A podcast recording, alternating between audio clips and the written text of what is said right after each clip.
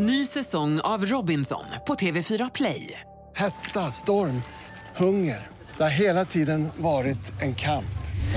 Nu är det blod och tårar. Fan händer just nu. Det. är Detta är inte okej. Robinson 2024, nu fucking kör vi! Streama söndag på TV4 Play. Du lyssnar på en podcast från Expressen. Fler poddar hittar du på expressen.se podcast och på iTunes. Nya rop på demokrati i vågen av Snowden-härvan. Det här är Expressen Dokument, ett fördjupningsreportage om att Hongkongborna vill ha tillbaka sin frihet av Per Liljas, som jag, Johan Bengtsson, läser upp. Edward Snowdens flykt till Hongkong har lyft frågan om stadens frihet.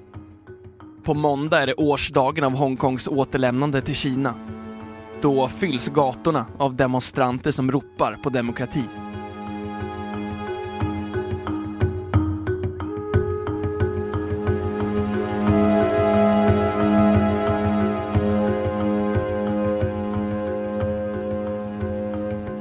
Lördag den 15 juni.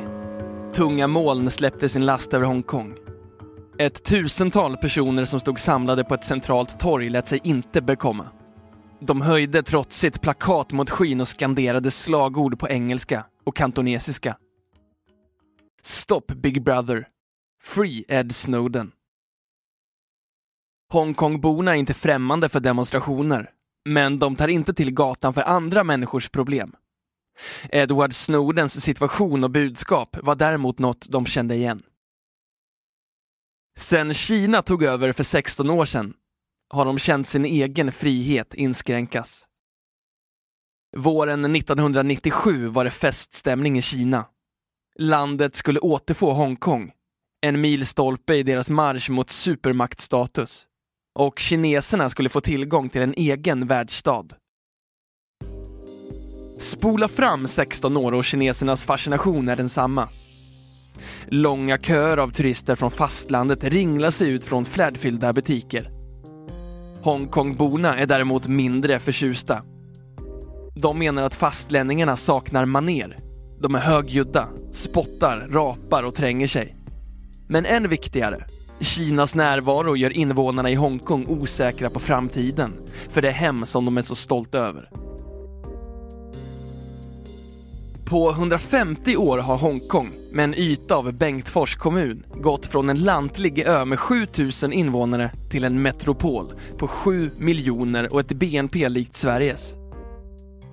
Den största anledningen till detta ligger i Hongkongbornas egen företagsamhet. Men framgången möjliggjordes av britterna. Under deras styre hölls regionen undan turbulensen på fastlandet.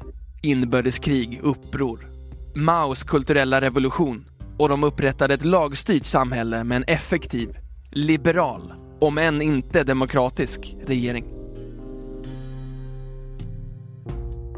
Under 80-talet inleddes förhandlingarna med Kina för att återlämna Hongkong. Då inträffade massakern på Himmelska fridens torg. En miljon Hongkongbor tog till gatorna för att visa sympati och kräva demokrati. Lee Cheuk-Yan var med och organiserade rörelsen. Vi tappade förtroendet för överlämnandet, säger han. Hur skulle vi kunna lita på en regering som är beredd att döda sina medborgare för att få stanna vid makten? Den massiva folkprotesten fick britterna att skynda på demokratiseringen av Hongkong. Direkta val instiftades för att utse en tredjedel av den lagstiftade församlingen. Lee och andra demokratiförespråkare vann nästan samtliga stolar. Kina tyckte däremot att britterna hade gått bakom ryggen på dem och lämnade förhandlingsbordet. Den 1 juli 1997 tog Kina över Hongkong under devisen ett land, två system.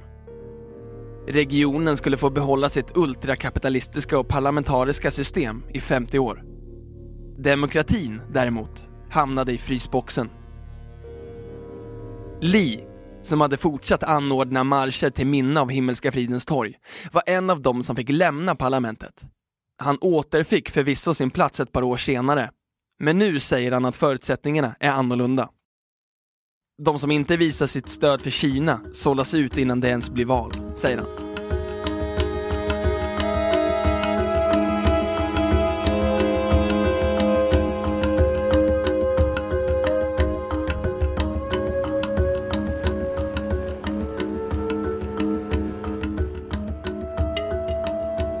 Kina går en balansgång för att behålla Hongkongs stabilitet. Å ena sidan låter de obekväma röster som Li behålla sina positioner. Å andra sidan marginaliserar de dem. Ett annat exempel på deras vågspel är hur de hanterar gatuprotester, likt den på årsdagen av överlämnandet. Fram tills 2003 var första juli-demonstrationerna beskedliga. Då introducerades ett lagförslag som skulle kriminalisera politiska grupper och uttryck som inte var tillåtna i resten av Kina. Reaktionen blev ursinnig. Två år i rad samlade protesterna en halv miljon människor. Till slut avgick regionens högsta ledare. Första juli-marschen är en god barometer på hur missnöjda Hongkongborna är över sin situation, säger Josef Cheng Yushek, professor i statsvetenskap på City University of Hong Kong. Årets demonstration borde i så fall bli stor, eftersom förtroendet för regeringen enligt en nylig opinionsmätning är nere på rekordlåga nivåer.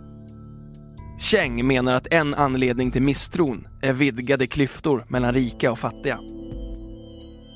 Korruptionen och samverkan mellan företagsledare och politiker har ökat. Samtidigt har ungdomar allt svårare att få jobb. Vid Hongkongs överlämnande pratade många om två framtidsscenarier. Att Kina skulle förändra Hongkong eller att Hongkong skulle förändra Kina. Kanske har lite av båda inträffat. De första åren var Hongkong Kinas fönster ut till världen. Här fanns redan ett internationellt finansiellt system på plats. Och här fanns även inspiration för de megastäder som sedan dess växt fram på fastlandet. Sedan dess har däremot Peking och det politiska styret tagit över de finansiella tömmarna. Friheten i Hongkong har även begränsats. På åtta år har regionen rasat från 18 plats till 53 plats på Reportrar utan gränsers pressfrihetsindex. Och vid förra första juli-marschen arresterades 400 personer. Hongkongbornas mentalitet talar ändå emot några samhällsomstörtande rörelser. Så länge inga allvarliga ingrepp görs i deras livsstil är det osannolikt att de kommer att göra politik till sin sak. Demokratisträvarna hoppas ändå att deras kamp kan inspirera folk i resten av landet. När konstnären Ai Weiwei arresterades kunde man se graffiti i Hongkong i support för honom, säger Li.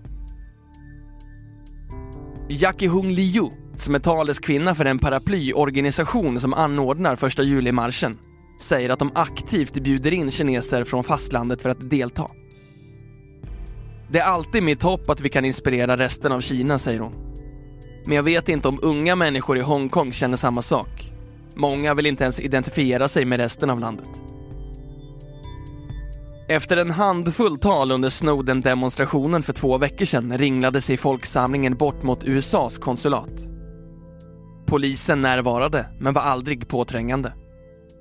Bland de mest äggade deltagarna fanns Ian Wu, en 24-årig mobilspelsutvecklare. Han har bott i Hongkong i hela sitt liv, men gick på universitetet i USA. Jag tror på den frihet båda våra samhällen står för och att detta binder oss samman, sa han. Mänskligheten håller på att förlora mot politikerna och de stora pengaintressena.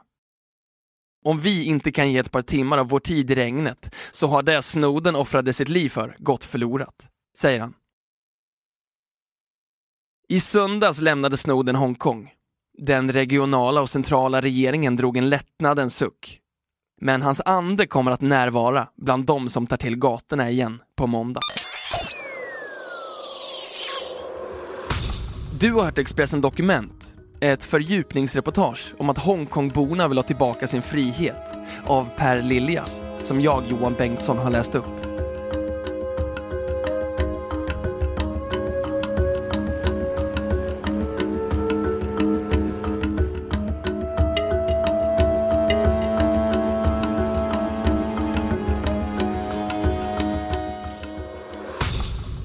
Du har lyssnat på en podcast från Expressen.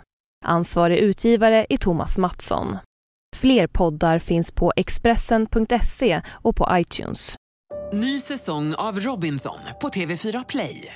Hetta, storm, hunger. Det har hela tiden varit en kamp.